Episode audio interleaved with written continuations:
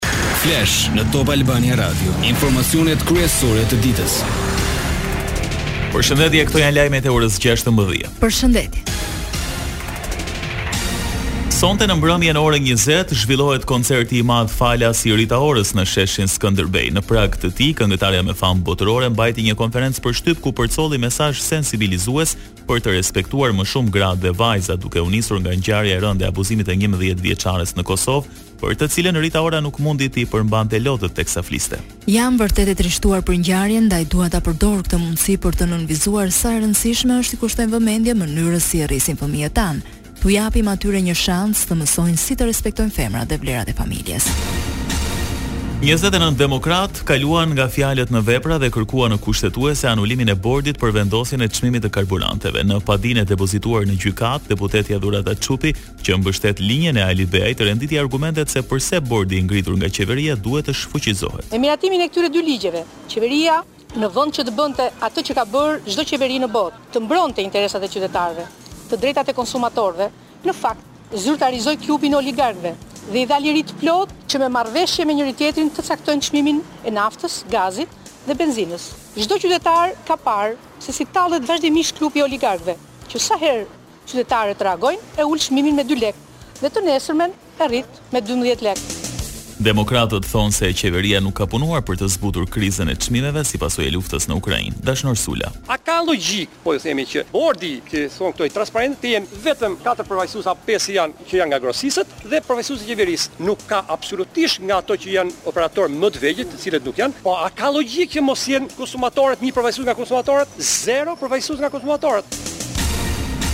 Ndërkaq, Bashkimi Evropian po bëhet gati për të imponuar ndërhyrje historike në tregun e energjisë për të frenuar çmimet në rritje. Masat përfshijnë ndër të tjera dhe vendosjen e një çmimi kufi të gazit. Ekspertët në Komisionin Europian kanë punuar gjatë fundjavës, gjatë gjithë orarit për të përshpejtuar planet për një ndërhyrje urgjente për të mbrojtur familjet dhe kompanitë, teksa udhëheqës paralajmërojnë për trazira masive sociale nëse çmimet nuk vihen nën kontroll.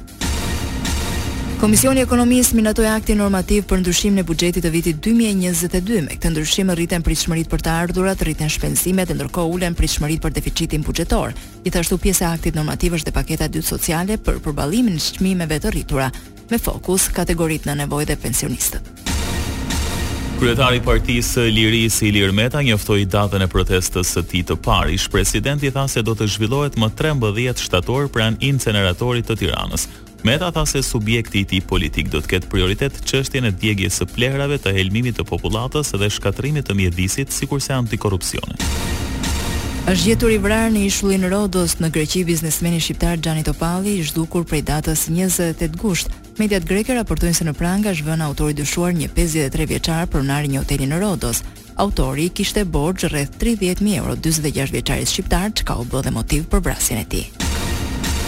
Dhjetëra të mitur rezultojnë të aktivizuar në vjedhje banale dhe po shpëtojnë nga arrestimi për shkak të moshës për t'i marrë nën përgjegjësi penale. Përballë këtij fenomeni, drejtësia po përpiqet të frenojë atë duke vënë nën përgjegjësi personat që i blejnë këto sende.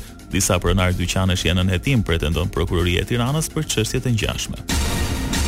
Ndërsa depozitat në lekë po shënojnë rritje dukshëm më të ngadaltë krahasuar me një vit më parë, ato në euro vazhdojnë të rriten me ritme të shpejta. Sipas të dhënave nga Banka e Shqipërisë, vlera e depozitave bankare në monedhën europiane në fund të muajit korrik shënoi rekord të ri historik në vlerën e 5.85 miliardë eurove. Totali u shtua në 141 milion euro në një muaj, rritja mujore më e lartë e regjistruar për këtë vit. Rritja e depozitave në euro është shpërndarë mes individëve dhe bizneseve.